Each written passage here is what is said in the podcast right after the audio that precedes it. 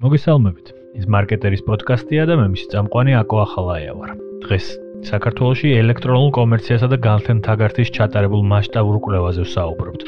პანდემიის პერიოდში ონლაინ გაყიდვების წილი მნიშვნელოვნად გაიზარდა. ვინაიდან მობილობის შეწყვეტვამ ონლაინ შეწყვეტვებისკენ უფრო მეტ ადამიანს უბიძგა. კვლევის მიხედვით 2020 წელს ელექტრონული კომერციის ბაზარი 3.2-ჯერ გაიზარდა და უფრო მეტიც. კვლევის ავტორები მომდევნო 4 წელიწადში ბაზარს კვლავ ზრდას და 1.1 მილიარდიანი ნიშნულის მიღწევას უწინასწარმეტყველებენ. რას ფიქრობენ ელექტრონული კომერციის ბაზრის მთავარი მოთამაშეები? როგორ უნდა განვითარდეს სექტორი? მომავლის დაგეგმვისას რა უნდა გაითვალისწინონ მცირე და საშუალო ბიზნესის წარმოადგენლებმა? ამ თემაზე სასაუბროდ დღეს ორი სტუმარი მოვიწვიეთ. ექსტრაჯის დირექტორი ანზორ მანცკავა და მაიჯის საოპერაციო ლიდი და მაიმარკეტის ბიზნეს მიმართულების ხელმძღვანელი ნიკა ჩილინდრიშვილი. ეს მარკეტერის პოდკასტია, რომელსაც წარმოგიდგენთ საქართველოს ბანკი ბიზნესი. პოდკასტის პირველი სტუმარია ანზორ მანცკავა, ანზორი არის ექსტრაჯის დირექტორი. ანზორ, დიდი მადლობა. გამარჯობა, აკო, მადლობა მოწვევისთვის. მადლობა რომ მოიცალე. ალბათ საქმის კურსში ხარ და გაცნობ გაეცანი გალთენ თაგართის კვლევას, რომელიც ეხება ელექტრონული კომერციას საქართველოში. და მაინტერესებს ძირითადი მიგნებებთან დაკავშირებით შენ აი რა იყო შენთვის აქ ახალი ან შეიძლება ეს ყველაფერი იცოდით, მაგრამ რა დადასტურდა და რო გაგვიზია რომ მოკლედ ექსტრაჯისთვის რა ინფორმაცია მოიტანა ამ კვლევამ. სიამოვნებით. გავეცანი რა თქმა უნდა კვლევას მონაწილეობას იდეაში მივიღეთ თავიდან როგორც ერთ-ერთი დიდი პლატფორმა საქართველოსში ელექტრონული კომერციის და შემდეგ გავიხილეთ კიდევაც ინტეგრაციის წარმომადგენლებთან ერთად. ანუ ძირითადად შეგრძნებების დონეზე რაც გქონდა, უმეტეს შემთხვევაში დადასტურდა. თუმცა ის ციფრები რაც ხა პლევაში ჩანს, რომ რა 1.1-20 წელს ყველაზე საინტერესო ეს არის, რა ჩემი აზრით, რომ 20 წელს, როდესაც პრაქტიკულად ჩაკეტილები ვიყავით სახლებში და არაფერი საშუალებაც კი არ იყო, რომ მაღაზიებში ევლო საქართველოს მოსახლეობას, მაშინაც კი 1.1% იყო ელკომერციის წილი მთლიან საცალო გაყიდვებში. ანუ რაც ნიშნავს, რომ ძალიან ძალიან დაბალ ნიშნულზე არის ეს და პოტენციალი რომ განვითარდეს ცალსახად არის. აჰა. ხო, ეს კვლევითაც ჩანს, რომ და ნუ პროგნოზია ასეთია, რომ მომდევნო წლებში 2025 წლამდე ეს გაიზრდება და გაიზრდება, მაგრამ არ შეგვიძლია ალბათ რომ კმაყოფილები ვიყოთ იმ ტემპით, რა ტემპითაც ახლა ეს ხდება და ძირითადად რა პრობლემებია, რატო იმიტომ რომ თქვენ ხართ ერთ-ერთი ყველაზე დიდი მოთამაშე ამ ბაზრის, მაგრამ კიდე აი რა არის საჭირო, რა აფერხებს მომხმარებელს, რატო არიზდება ბაზარი უფრო სწრაფად, იმიტომ რომ მგონია რომ ხა კორონავირუსმა კიდე უფრო დაბუსტა და რაღაცა, მაგრამ აი მაინც რიცხვებში ეს არ არის ის ტემპი, რაც შეიძლება უნდა გქონდეს. რა რასთან გვაქვს საქმე? მოდი ჩამოვთვლი პრობლემებს. ყველა ყველა პრობლემას ვეცდები რომ შევეხო. პირველი ალბათ პირველი პრობლემა არის პირველი არ ვიცი რომელია პირველი და რომელი მეორე მაგრამ ერთ-ერთი პრობლემას დავარქმა. ერთ-ერთი პრობლემა არის ის რომ ყველა ონლაინ კომერციის პლატფორმა რომელიც საქართველოში არის დაუშვით შეცდომები. აა რაც ნიშნავს იმას, რომ რეალურად ქონდა ეგეთი შემთხვევები სამწუხაროდ, რომ ვერ შევასრულეთ მომხმარებლის მოლოდინები და შესაბამისად ეხლა რაღაცნაირად საუბრობს ხალხი, რომ ეს ძველი გამოცდილება, ვისაც მიღებული აქვს, რომ აი ჩქარა რო დაიწყო ეს პროცესი, პანდემიამ რო დააჩქარა და რაღაც პროცესები არ იყო მზად, ხშირ შემთხვევაში და ყველას შეექმნა ეს პრობლემა, მომხმარებლების ნდობა დაუკარგეთ სამწუხაროდ, რომელიც მე უამრავი შრომა ჩავდეთ და გამოვასწორეთ პროცესები, ეხლა მიტანა ხდება პრაქტიკულად თბილისში შეკვეთიდან მეორე დღეს.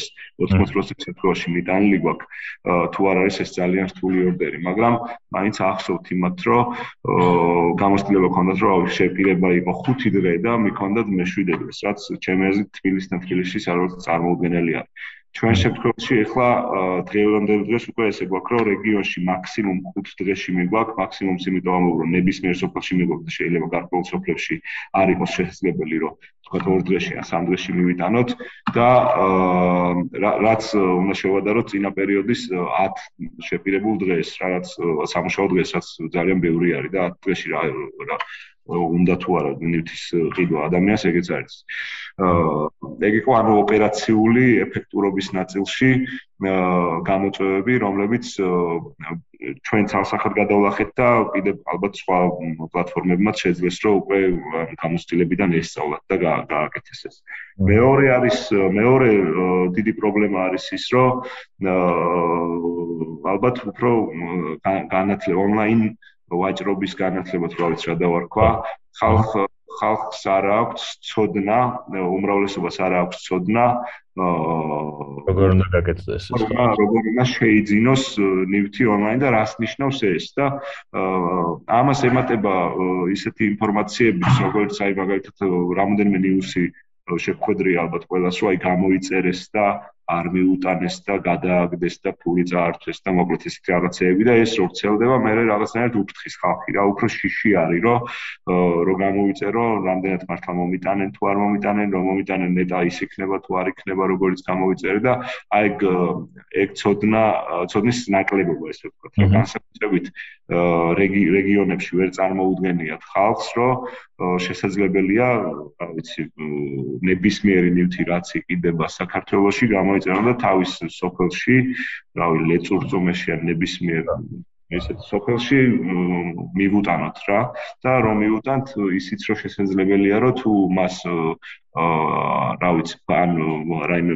წუნი ექნება ან თვითონ არ მოეწონება რაღაც მიზეზის გამო ამას შემდეგ შესაძლებელია დაბრუნება. ანუ ეს ცოდნაც არ აქვს მაგ ცოდნის მიწოდებაზეც მუშაობთ რა აქტიურად. ამჟამად აი ეს თემა ერთ-ერთი ყველაზე მნიშვნელოვანი მე როგორც მოვიკლე არის რომ დაბრუნების პოლიტიკა რა რომ ნიუტი არ მოეწონა, არ მოეგო მოერგო ისეთი არ არის როგორც აღწერილი იყო.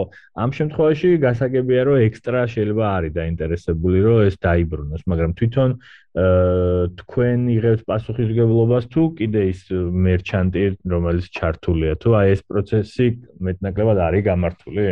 აი მაგაზე გეტყვი ახლა ერთ-ერთი პრობლემა მერჩანტების მხარეც იყო რომელიც მნიშვნელოვნად სწორდება იმიტომ რომ იდეაში ონლაინ კომერცია რომ გამოვითარდეს ქვეყანაში მარტო ერთი ნაწილი არ არის საკმარისი. მარტო e-commerce-ის პლატფორმა თუ მერჩანტებმა ხელი არ შეგვიწვეს, წინ ვერ წავალთ. მერჩანტები მეტნაკლებად უკვე ხვდებიან, რომ მომავალი აქეთ არის და ძალიან კარგად ურთიერთობთ და გვიწყობენ ხელს ამ მიმართულებით. აი მაგაზე ვიტყვი, რომ ძირითადად მე ველაპარაკები ყველა ჩვენს მერჩანტს, ვთქვი, რომ ყველასთან კონდეს მუდმივი კონტაქტი რა, რომ ყოველთვიურად გამიხილოთ რა ის ქონდა გამოწვევები რა რა გადავლახეთ რა გადასალახია და შემდეგ და მათ შორის ეს დაბრუნების თემებზე იდეაში დაბრუნების პოლიტიკა როგორ მუშაობს? რომ როგორიც აქვს მერჩანტს ის ვრცელდება ჩვენთანაც რა მომხმარებლისთვის ანუ და იგივე დაბრუნების პოლიტიკას უზიარებთ. უბრალოდ მერჩანტებს ხშირ შემთხვევაში ჰქონდათ დაბრუნების პოლიტიკა,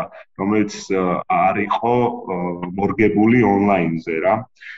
და მაგაზე ჩვენი რჩევებს რო ვაძლევთ და ვშჯელობთ ხოლმე, ამას ვცვლით სხვანაირად, იმიტომ რომ იდეაში თქვა დაუშვათ ტანსაცმელს, რო შეუკვეთ ტანსაცმელი ხო მარტო ზომის მორგებაზე არ არის, რა მოგიხდეს. ტანსაცმელს რო შეუკვეთა, აი ხა ყველა ტანსაცმლის მერჩანტს ველაპარაკები და იდეაში უარყოფ არავისგან არ არის, რომ როგორც აი გასახდელში შეიტანს ადამიანი ნივთს და გაიზომოს და არ მოეწონება და შეუძლია რომ ისევ დადოს ტახზე, იქ ზუსტად იგივენაირი პროცესი უნდა იყოს აქ და ბევრი მერჩანტი ამაზე თანახმაა, რომ რომ მიუტანეთ თუ მომხმარებელი გვეწეს ეს არ მინდა, შეუძლია დააბრუნოს. აჰა.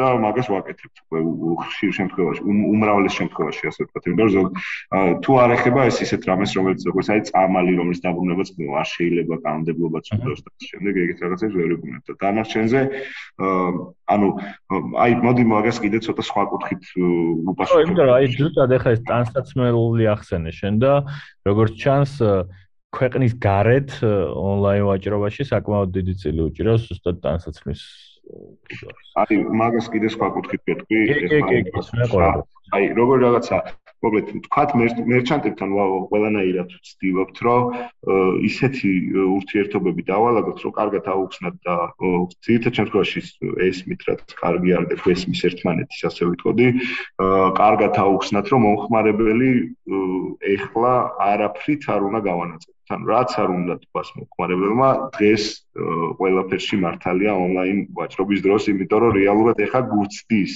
შესაბამისად ექსტრაშიც ეგ პრინციპი მაქვს რა რომ ჩემთვის მთავარი არ არის კონკრეტულ ტრანზაქციაში მოგების შოვნა რა აა იმიტომ რომ ძალიან აიხლა იმდენად პატარაა როგორც 1.1% მთლიანი საცალო გაყიდვების რომ ერთი ტრანზაქციაში მოგება საერთოდ არც არ მაძლევს და მთავარი არის რომ მომხმარებელს ვაგზნობინოთ და დავაჯეროთ რომ ჩვენთან ყიდვა რისკი კი არ არის კომფორტია რა და აქედან გამომდინარე ყველა ისეთ შემთხვევას რომელსაც ასე ვთქვათ ქვია ეს moment of truth case რო აი ადამიანს რაღაცა ჭირდება უდგები სხვანაირად. რა ანუ მირჩევნია ფული დავკარგო და მომხმარებელი დავკროვო ბედნიერი რა.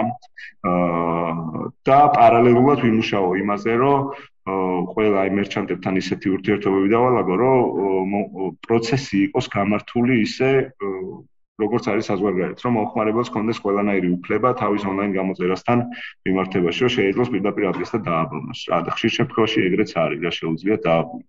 უბრალოდ მან კიდე არის სხვა პრობლემებიც, რომ ის ნივთი უნდა იყოს პირვანდელ მდგომარეობაში, თორე აღარ იბარებს და მოკლედ მომხმარებელმაც უნდა იმას ახსნას, რა ქვია, თუ არ მოეწონება არ უნდა ჩაიცვას და სადმე არ უნდა წავიდეს და მე არ უნდა გიწყეს და აფუქოს თორე მერჩანტსაც მე პრობლემა ექნება მეორედ გაკეთებაში და ამ კონტექსტში.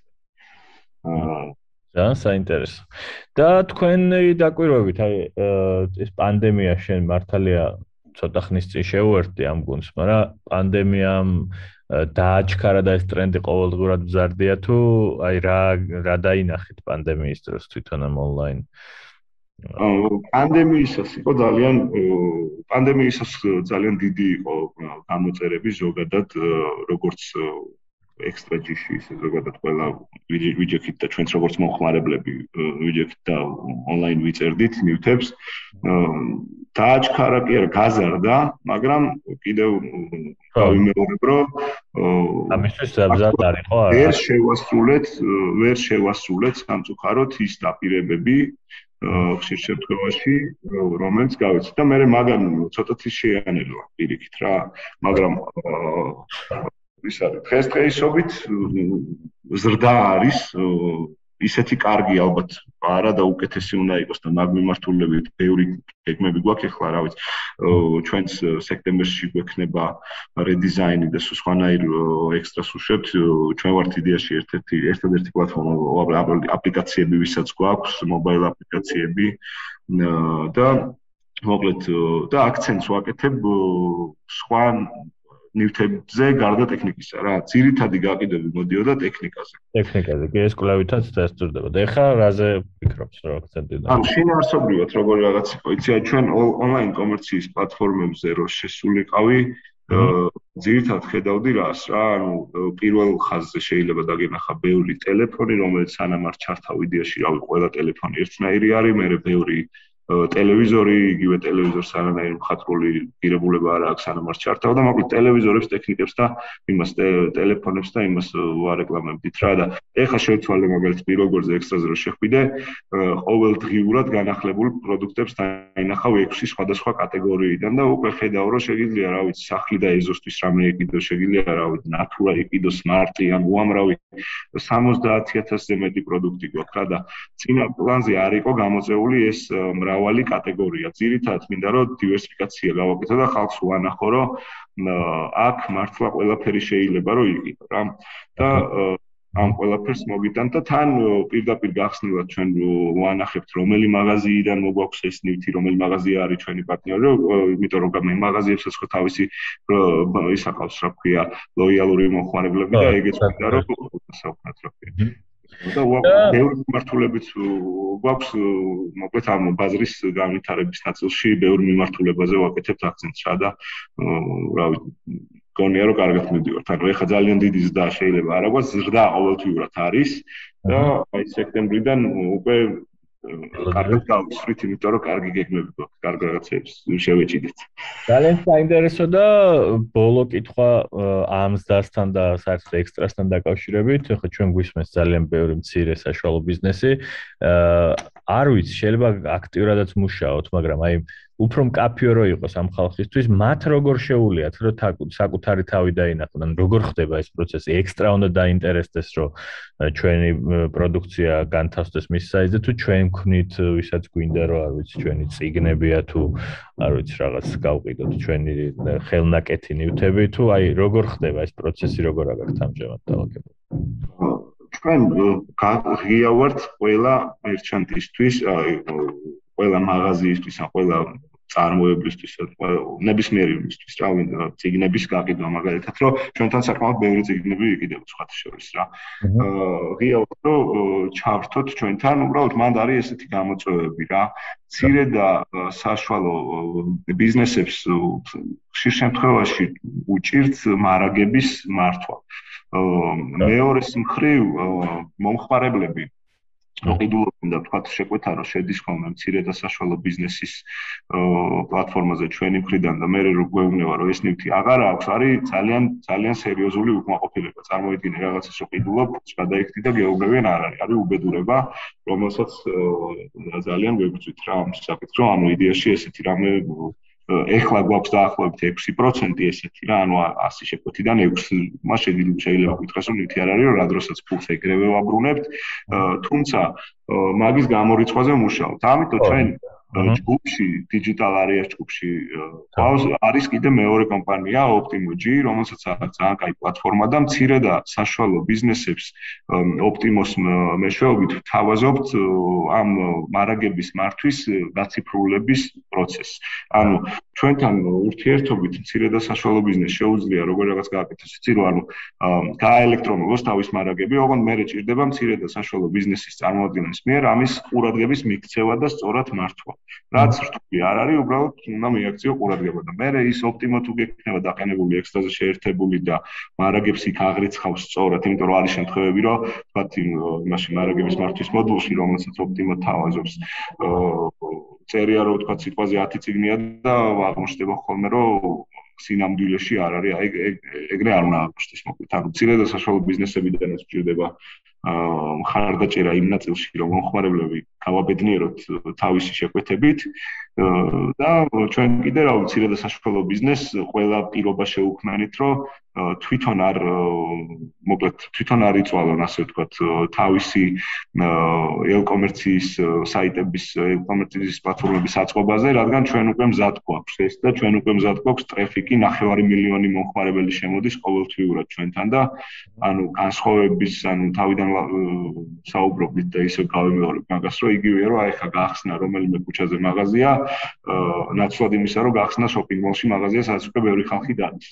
და გაცილებით ნაკლები დაუждდება რეკლამა ონლაინ განვითარება ვისაც ჭირდება ჩვენთან გახსნის დროს ვიდრე თავისი კერძო საიტი საიტი რო გახსნას უფრო ზართული არის მოხარებლის ოვნა ეგ ჩვენ ყველამ კარგად ვიცით და ასევე რაც სექტემბრიდან უკვე კარგად გვექნება ძალიან არის ის რომ ცირე და საშუალო ბიზნესების გლერდები ჩვენთან ექსტრაზე იქნება ძალიან ისეთი tailored როგორ ვთქვა ანუ კერძოდ იმ ბიზნესის შესაბამი იქ რო შეგონება რომ იმ ტიპის გვერდზე ხარ. რა ანუ ეგეთ ეგეთ იმასაც ვაკეთებ პროდუქტს და შესაძლებლობა ექნებათ რომ თვითონ გაარეკლამონ როგორც თავისი გვერდი ექსტრას ის ნაწილი რომელზეც მხოლოდ მათი პროდუქტი იქნება წარმოდგენილი და მოკლედ ძალიან ვა, ძალიან საინტერესო.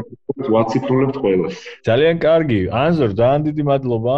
ჩვენი ყუმარი იყო ანზორ მანცკავა. ანზორი არის ექსტრაჯის დირექტორი.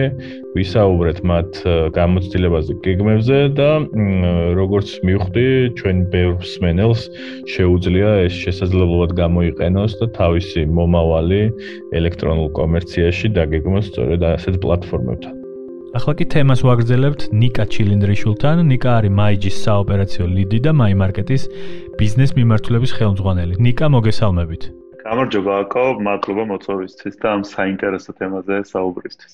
დიდი მადლობა. შენ დღეს საუბრობთ ელექტრონულ კომერციაზე საქართველოში და ვინ თუ არა MyG და MyMarket-ი უნდა მოგვეწვია მათთან ერთად უნდა გვესაუბრა ამ ყველაფერზე და მიხარია რომ სწორედ შენ იქნები ის ადამიანი რომელსაც უნდა გაგვიზიარო თქვენი გზა და გამოცდილება პირველ რიგში თუ გაეცანი გალტენ ტაგარტის აი ამ ბოლო კვლევას რომელიც ჩაატარეს ელექტრონულ კომერციის ბაზარზე საქართველოში აა რა თქმა უნდა მეც და ალბათ ამ ბიზნესში მყოფ თითოეული ადამიანი გაიცნობოდა და ძალიან მიხარია რომ ამ თემის ირგული ესე თქვა იზრდება ინტერესი და თუნდაც ეს კვლევა ცაცხობს იმას რომ აქამდე ესეთი სიღრმისეული კვლევა არ ჩატარებულა და მგონია რომ ძალიან საინტერესო დეტალების აღმოჩენა შეიძლება იმ ხალხისთვის ვინც უკვე არის ამ ბიზნესში ან აპირებს რომ ჩაერთოს საომოლოდ იმიტომ რომ რამოდენიმე წლიან ხედვაზეც არის აქ საუბარი და პროგნოზები და ძალიან საინტერესოა. თვითონ ეს კვლევაც იძახის რომ 20-21-25 წლებში დაახლოებით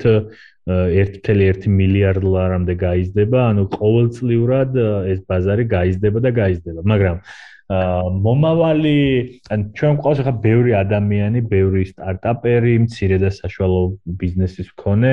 აი ამ ხალხისთვის სწორად რო იყოს ახსაქმელი, აი შენ თვლი რომ რაღაცა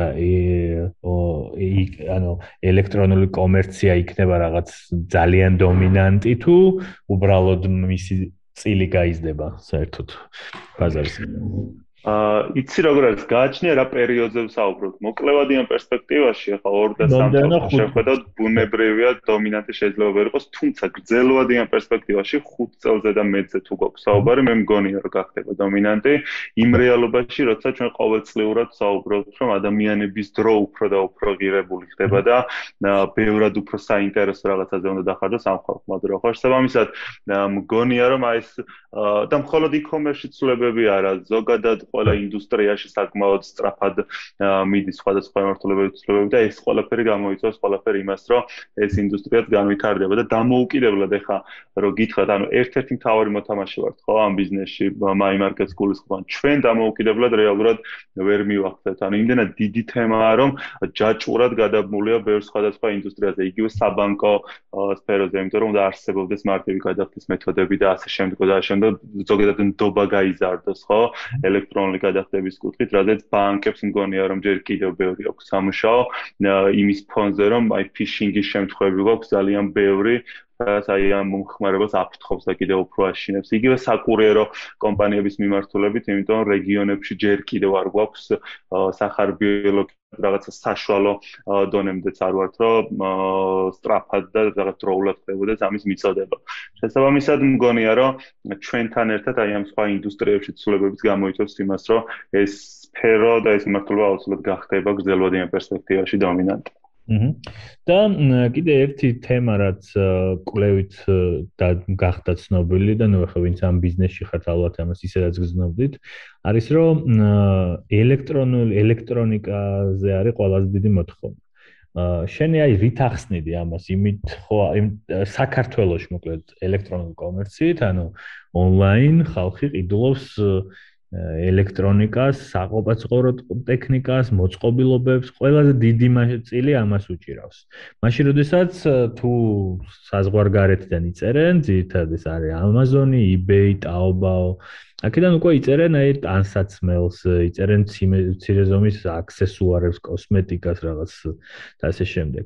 ნუ რაღაცა ლოგიკური ახსნა ალბათ აქვს რომ იქ უფრო დიდი არჩევანია ამ ტანსაცმელზე და უფრო კარგი ფასებია ალბათ მაგრამ შეგვილია ამ მოედანზე თამაში შეიძლება უღაცისთვის საინტერესო იყოს თუ ასევე ჩემთვის საინტერესოა აი რატო გახდა თითქოს აი ელექტრონიკის ყიდვა ონლაინ უფრო ხო ხო აი რა რა საინტერესო თემას შეეხედა. ცოტა შორიდან დავიწყებ, აი მაშინ, როდესაც my market იდგავდა ფეხს და რა იყო ის პირველი, თუნდაც რაზეც თქვა აი my market-ის განვითარების საფეხურები იყო თავიდან დავიწყეთ ჩვენ ზუსტად ტექნიკით რა თავიდან იყო მართალია მობილური ტელეფონები თუმცა აი განვითარება შემდგომ იმასე მოხდა რომ დაემატა იგივე საოჯახო ტექნიკა და ასე შემდგომ. კვლევაში როგორც არის მოყვანილი ანალოგიურად არის ჩვენთანაც რომ ტექნიკა არის ლიდერი გაყიდვებში, თუმცა ონლაინ იყიდება წვრილი საოჯახო ტექნიკა და დაბალფასიანი, რაზეც გადაწყვეტილების მიღება არის ბევრად მარტივი. როცა საქმე ეხება უკვე მსხვილ საოჯახო ტექნიკას და იქ თქვა პარამეტრებს აქვს ძალიან დიდი მნიშვნელობა და ისედაც მომხმარებელი უკვე ითანხასებს და ისე მარტივად ვეღარ იყოს გადაწყვეტილებას. ძალიან უჭირთ ხოლმე და აი ჩვენთანაც როცა ვაკვირდებით იგივე ჩვენი ოპერატორების დახარჯულ დროს რომ მომხმარებლებთან ყველაზე ხშირა და ყველაზე გრძელ ან ბევრწუთიანი საუბრები რაზე გვაქვს არის ზუსტად აი როცა მსხვილ საოჯახო ტექნიკაზე უხსნიან პარამეტრებს როგორ მონტაჟდება თქვა და ასე შემდეგ ასე შემდეგ და ძალიან საინტერესო кейსები დაფიქსირდა პანდემიის პერიოდში და ხა მინდა გაგიზია რომ მოკლედ მასში როდესაც აი ძალიან ბევრ მაღაზიას ვაციფრულებდით და მსხვილ ქსელურ მაღაზიებს ვამატებდით პლატფორმაზე ერთ-ერთ მაღაზია თითოეულ მაღაზიას გაყიდოს ბუნებრივია უყურებთ ხო? მე რა შედეგი დაუდეთ და ერთ-ერთ მაღაზიასთან რაღაცა გეგმიური შეხვედრა გქონდა და ვაანალიზებდით შედეგებს და ჩვენ უყურებთ რა აგერ ჩვენი პლატფორმიდან იყიდება წვრილი საოჯახო ტექნიკა თუმცა არ ხდება წვრილი საოჯახო ტექნიკის დაყიდვა მაგრამ ეს მაღაზია არის ძალიან ბედნიერი და ძალიან მადლობელი მაიმარკეტის მაიმარკეტზე და როცა ჩავეძიეთ დეტალებში მოკლედ გაგვიზიარეს ესეთი რაღაც რომ მას შემდეგ რაც ჩვენთან დაემატნენ ფილიალებში გაიზარდა ფიზიკურ ფაქტობრივად მისვლელების ტრაფიკი, რომლებსაც სკრინები ჰქონდათ MyMarket-ის და იძახდნენ, რომ MyMarket-ზე ნახე ესეთი მაცივარი და ეხა მინდა რომ ფიზიკურად თქვენთან ახლა და ქეშით გადავიხატო რა. შესაბამისად, აი აქ კიდე ნათელია მოკლედ საგგვაქვს პრობლემა რომ პრობლემა იგივე რომ არენდობა ეს ადამიანი ბარათით მოახდინოს გადახდა რაღაცა ჯგუფი არის მასეთი მეორეა ის რომ კონტენტი არ არის სრულფასოვანი პლატფორმაზე, რის გამოც მომხმარებელს არ უღირს დიდი თანხის გადახდა და გარიცვა რაღაც კუთხით, იმიტომ რომ შეიძლება სურათები იყოს არასრულად ან აღწერა არ იყოს და თითოეული პარამეტრი დეტალურად არ იყოს ჩამოწერილი და ასე შემდგომ რა. ეს რაც შეეხება ტექნიკის ლიდერობას და ამას კიდევ საერთოდ ჩვენთანაც ანალოგიურად არის, თუმცა ონლაინ იყიდება ძირითადად წვრილი საოჯახო ტექნიკა. რაც შეეხება ტრანსაცმლის საკითხს, ის ბრენდები, რასაც საერთაშორისო პლატფორმებზე მომხმარებლები ყიდულობენ ჩვენთან ძირითადად არ არის ან თუ არის რაღაცა ერთ კონკრეტულ კომპანიას შეიძლება კონდეს ექსკლუზივი აღებული რომელსაც არ აქვს მზაობა რომ ითანამშრომლოს e-commerce პლატფორმასთან და ონლაინ დაიწყოს ამის გაყიდვები ეს არის ერთი ნიშნო უმნიშვნელოვანესი დეტალი, რატოც თქვა ტანსაცმლის შემთხვევაში არჩევენ რომ საზღვარგარეთთან გამოიწერონ და მეორე არის უკვე ფასი, ანუ იმპორტის შემდგომ რეალურად ღირებულება. ისე ძვირდება, რომ ადამიანს ურჩევნია რომ დაელოდოს ორი კვირა და ეხლა ტანსაცმელი არ არის ესეთი კრიტიკულად მნიშვნელოვანი, რომ ორი კვირა ვერ დაიცადო, ხო? ანუ არ არის მაქსიმალი რომ გაგიფუჭდეს და რაღაც სასწრაფოდ შეჭირდება შეკეთება ან ახლის კიდევა. შესაბამისად აი ეს ორი მთავარი ფაქტორი მოქმედებს ტანსაცმლის შემთხვევაში, ერთი ის რომ საქართველოში რაღაც ბრენდები არ არის რაც მოთხოვნადია, ან თუ არის თქვა მზაობა არ არის რომ ითანამშრომლონ ონლაინ პლატფორმებთან და მეორეა უკვე ფასი, როცა ზედმეტად ზვირდება და მოხალხეს არ უღირს იმ თანხის გადახდა. აა ჩვენ არ უნდა დაგვაუწყდეს ხა მსმენელისთვის გასაგებირი რომ იყოს my market-ის ძირითადად მაინც C2C მოდელია, ანუ მომხმარებელი my market-ის პირდაპირ ყიდის თავის news to products მეორე ადამიანს.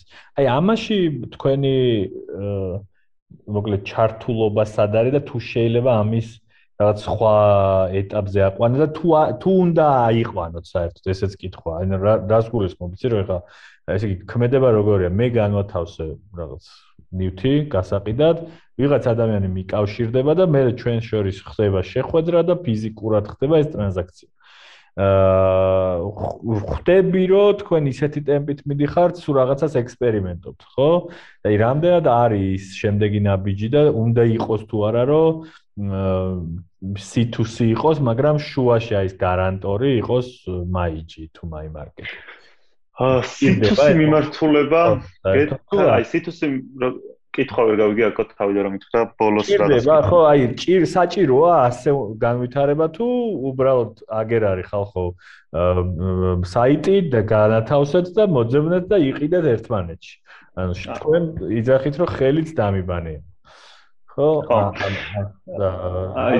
რა გეგმები გაქვთ მოკლედ მაგ მიმართულებაში ეს მიმართულება არის ცალკე ძალიან დიდი მიმართულება და აი ამ წუთის მდგომარეობით რო გითხრათ ჩვენთან რაც არის ფიზიკური პირების მიერ განთავსებული პროდუქციის ჯამური ღირებულება არის 68 მილიონი სანამ დავიწყებთ ახლა აი ამ ჩაწერას რამოდენიმე წუთით ადრე გადავამოწმე. რა შესაბამისად ახლა წარმოიდგინე რა ხელა შესაძლებლობა არის ამ მიმართულების განვითარება და პანდემიის დროს ჩვენ ამ კუთხით გადავდგით გარკვეული ნაბიჯები და ახლა მოკლედ მოგიყვები რა მიმართულებით დავიწყებთ განვითარება მაშინ როდესაც ამ სრულ ლოკდაუნი იყო და ისედაც ზოგადად ადამიანების შეხვედრა საკმაოდ ცეთი რისკის შემცველი იყო გადავწყვიტეთ რომ ჩაგვეშვა პროექტი C2C delivery-ს ვეძახით. ჩვენ ანუ გამყიდველ ფიზიკურ პირს შესაძლებლობა აქვს ნივთის დამატების დროს განცხადების დამატებისას მონიშნოს რომ სურს ნივთის ონლაინ გაყიდვა.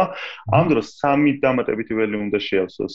მისამართი საიდანაც წავიღოთ ნივთი ანგარიშის ნომერი სადაც თანხა უნდა ჩაერიცხოს და პირადი ნომერი და ეს ნივთი უკვე ონლაინ ყიდვის შესაძლებლობით ჩდება პლატფორმაზე და ყიდველს რეალურად ორი ოფშენი აქვს. ერთი რომ შეუძლია ძველი მეთოდით დაურეკოს და მეტროსთან შეხვდეს როგორც ყოველთვის და ამავდროულად გაშენოს, ან უბრალოდ იყიდოს ონლაინ და ამის შემდგომ პროცესი მიდის შემდეგნაირად. ჩვენი კურიერი მიდის გამყიდველთან, ადგილზე ხდება ნივთის დალუქვა, შემდგომ ეს ნივთი მოდის ის საწყობში და ამ რისკების თავიდან ასაცილება ჯერჯერობით ხდება ამ ნივთის დეზინფექცია და ესეც რაღაც შესაბამისი წესების დაცვით რო არ დავაზიანოთ იგივე ტექნიკა და მიდის უკვე მყიდველთან და აქ აი კვლევების დროს როცა მომხმარებლებს ვიკლოდით და ვეკითხებოდით რომ რატომ გირჩევნია რომ მიხვიდე და ფიზიკურად ნახო არის ის რომ სანამ თანხას გადავიხდი მირჩევნია რომ შევამოწმო რა.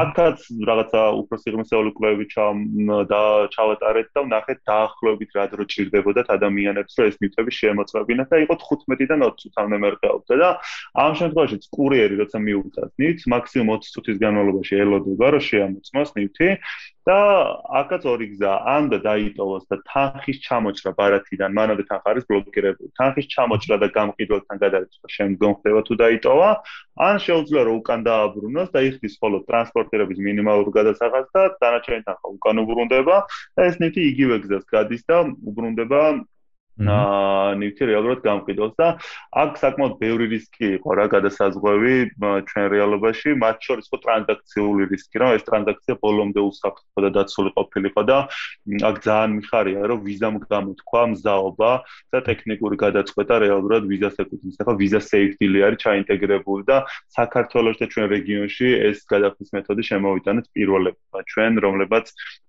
ჩაუშვით C2C-ისთვის და რეალურად ეს გადახდის მეთოდით აი ერთ ერთ-ერთი ზუსტად აზღვევს იმ რისკებს, რაც ამ ტრანზაქციას თან ახლავს რა. თუმცა რაც შეეხება შენ კითხვას ვაპირებთ თუ არა ისევ განვითარებას, ჯერ რეალურად აი როგორ ვთქვათ, საპილოტედ რამოდენიმე კატეგორიაზე გავაკეთეთ. ხუთი კატეგორიაა ახლა ჩაშვებული, ძირითადად მობილური ტელეფონი, აქსესუარები, კომპიუტერის აქსესუარები და ასე შემდგომ რა, რომელსაც ტესტავთ და ვაკვირდებით ჩვენ და აი რა გამოწვევების წინაშე ვდგებით, იმიტომ რომ იქ საკმაოდ ბევრი სხვადასხვა სცენარია, რომელიც ვითარდება. მე რა იგივე შემოწმების პროცესშია, ნივთის შემოწმების დროს და ეხლა გვინდა ზუსტად რა ეს გავაფართოვოთ უფრო მეტად კატეგორიების ჩამონათვალ და რაღაცა უფრო მასშტაბები გავზარდოთ. პირველადი უკავშირი ყოველ შემთხვევაში მომხმარებლის მხრიდან ძალიან კარგი იყო და მინიმუმის და დავწმუნდით იმაში, რომ საჭიროა მიმართულების განვითარება. ორი კითხვაც დამჩა მე დროს არ წაგართვა. ერთი კითხვა ეხება ზოგადად თელი სექტორი ელექტრონული კომერციის რო განვითარდეს. თქვენი ხედვა როგორია? ერთი არის რომ თქვენ პირადად იმ მოთამაშეებმა ვინც ახლა ამ ამბავში ხართ ჩართული გააგრძელოთ მუშაობა, მაგრამ აი შენ უფრო მოკლედ ახსენე, რომ აი სხვა საბანკო გადარიცხებიც უფრო მეტი უფრო ვერ ვიტყოდი რომ უსაფრთხო დღეს არ არის, უფრო ალბათ მოსახლეობამ უნდა დაიჯეროს რომ უსაფრთხოა ის ფიშინგს უნდა მიეხედოს და ასე შემდეგ. მაგრამ აი მომსახურების მიმართულებით რა არის გასაკეთებელი, რომ თვითონ მომხმარებელს ონლაინ ვაჭრობა უფრო ეკომფორტულოს, იმიტომ რომ დღეს როგორც ხვდები, აი თვითონ კლევასაც რო უყურებ არის, რომ ძირითადი პრობლემები რაც არის, ეს არის რომ აი რაღაც აღწერები აკლია, კარგი დასურათება აკლია, საძიება არის ხო რთული, იმიტომ რომ ვინ რას როგორ ეძებს, კიდე სხვა ამბავია. შენ რას მიიჩნევ? აი იმ მოთამაშეებმა უფრო დავა კონკრეტო კითხვა, ვინც დღეს ხართ, ხო? My Market-ი, Extra-G, BG და ასე შემდეგ. რა უნდა გააკეთოთ პირადად თქვენ იმისთვის, რომ აი თვითონ ეს ბაზარი კიდე უფრო გაიზარდოს? ერთობლივად რის გაკეთება შეგიძლიათ?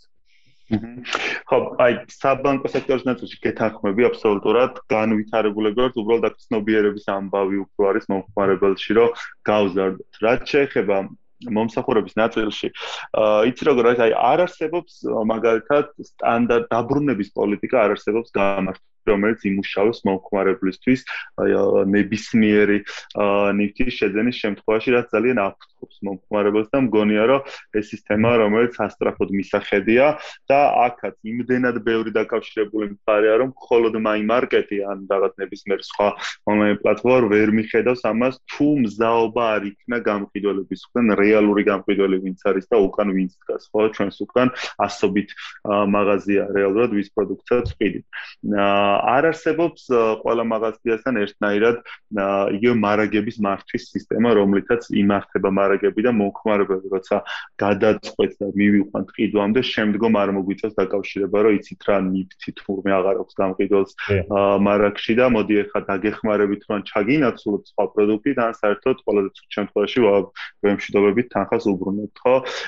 იგივენაირად მარაგებზე უნდა იყოს მიბული ფასების მონიტორინგი, ხო? როცა არის არიან მომწოდებლები, სადაც აი ყოველდღიურ რეჟიმში დილით ანახლებენ ხოლმე ფასებს და შეიძლება იმის გამო რომ ეს პროცესი არ არის ორგანიზებული და ავტომატიზირებული, შეიძლება რაღაცა ხარვეზი მოხდეს და ძველი ფასით გაიყიდოს და მეორე უკვე აქ ან ჩვენ უნდა ავანაზღაუროთ, ან საერთოდ მომხმარებელს და დაუბრეკოთ ყველაზე ცუდ შემთხვევაში და მას დავამატებინათ რა.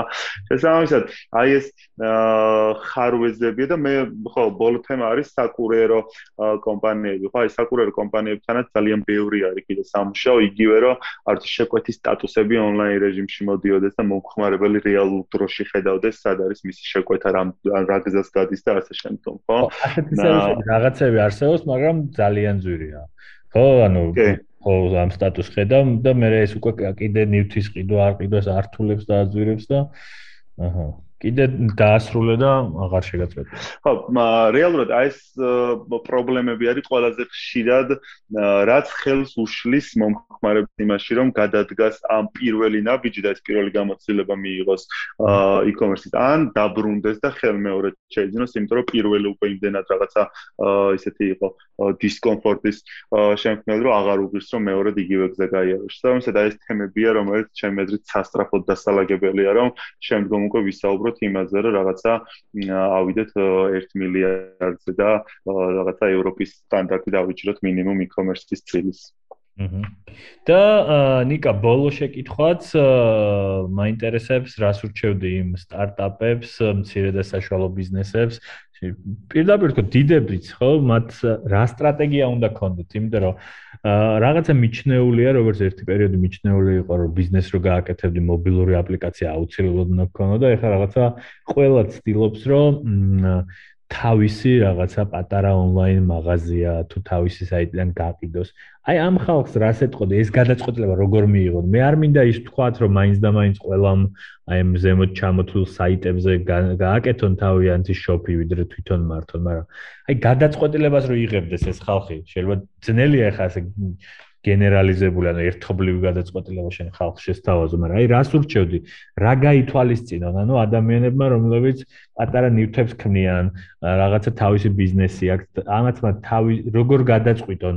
თქვენნაირ საიტზე შექმნან მოკლედ აკაუნტები და რაღაც ელექტრონული მაღაზიები თუ თავიანთი საიტი და აი მიდრეკილება საიტა აქვს ხალხს რა უფრო უნდათ რომ დიდ საიტებზე იყიდონ სადაც ალბათ მეტია სანდოობა თუ ეს პატარ-პატარა საიტებიც ამართლებს. აი შენ აა მით რა არის მგონია რომ აი საუკეთესო შედეგი იდება მაშინ როცა ყველა აკეთებს იმ საქმეს რაც იცის და რაც გამოწვის ხო? e-commerce-ის განვითარება ამ ქვეყანაში როდესაც მარტივი ყოფილიყო დღეს ამ ბაზრის წილი 1% არ იქნებოდა. ჩვენთან და რაღაცა ესე მნიშვნელოვნად დაბალი არ იქნებოდა. და მგონია რომ ამ თითოეულ მაღაზიას მოკლედ ურჩევდი იმას რომ ითანამშრომლოს აუცილებლად სხვილ პლატფორმებთან, იმიტომ რომ ჩვენ შემთხვევაში ახლა მილიონ 400000 უნიკალური ვიზიტორი სტუმრობს პლატფორმას ყოველთვიურად და საკმაოდ არ ვიცი 17 წლიანი ისტორია გვაქვს და გამოცდილება და აი ამ გამოცდილებიდან გამომდინარე ვდგავთ თითოეულ ნაბიჯს რომ შევინარჩუნოთ და გავზარდოთ ამ იუზერების რაოდენობა ყოველთვიურად. და ან მაღაზიას ერთ დღიანი არ ვიცი პროცესის გავლის შემდგომ რეალურად შესაძლებლობა ექნება რომ მილიონ 400000 პოტენციურ მომხმარებელთან მოიპოვოს ცდომა ხო? უმეტეს სტარტაპ კომპანიებს დამწყებ კომპანიებს რომელიც შეიძლება ერთი სახეობის ნივთს აწარმოებდეს საერთოდ აა არ მგონია საჭიროება ქონდეს რომ გააკეთოს ონლაინ მაღაზია და დამატებით რესურსი ხარჯოს იმაზე, იმიტომ რომ თუ აკეთებ მაშინ უნდა გააკეთო კარგი და კარგის კეთებას რეალურად ჭირდება საკმაოდ დიდი ფინანსური რესურსი და ერთჯერად ხარს რო თავი დავანებოთ, შემდგომ ამისი მხარდაჭერა და განვითარება საჭირო, ხო? აა შესაბამისად, არ ვიცი, ჩვენ ყოველ შემთხვევაში აი ვიცი რომ აკვირდები ხოლმე ჩვენ კომუნიკაციაზე სიახლეებს და იგივე აი ამ მიზნით შეიქმნა ზუსტად my startup-ში, ხო? როცა პლატფორმა გავაკეთეთ ცალკეულად მხოლოდ მცირე მეწარმეებისთვის და იქ არის რაღაცა ყველაზე ბევრი სტარტაპ კომპანია ეხა თავმოყრილი და იმასაც რეალურად მიუხედავად იმისა რომ MyGUD გას გვერდით არც My Startup-ისთვის არ იყო მარტივი რაღაცა პირველი ნაბიჯების გადათქმა და დღემდე საკმაოდ ისეთი დიდი რესურსის ჩადება გვიწევს ამ პლატფორმის განვითარებაში და შესაბამისად ჩემი აზრი არის ესეთი რომ აუცილებელია მოკლედ მსხვილ ონლაინ პლატფორმებთან თანამშრომლობა იმისთვის რომ დაიდოს საუბედო შედეგი და ყველამ თავის საქმე აკეთოს ჯობია. ყველამ ჩვენ ჩვენი საქმე აკეთოს. თავის თემაზე დაკონცენტრირდეს და მიხედოს მოკლედ თავის ამბავს.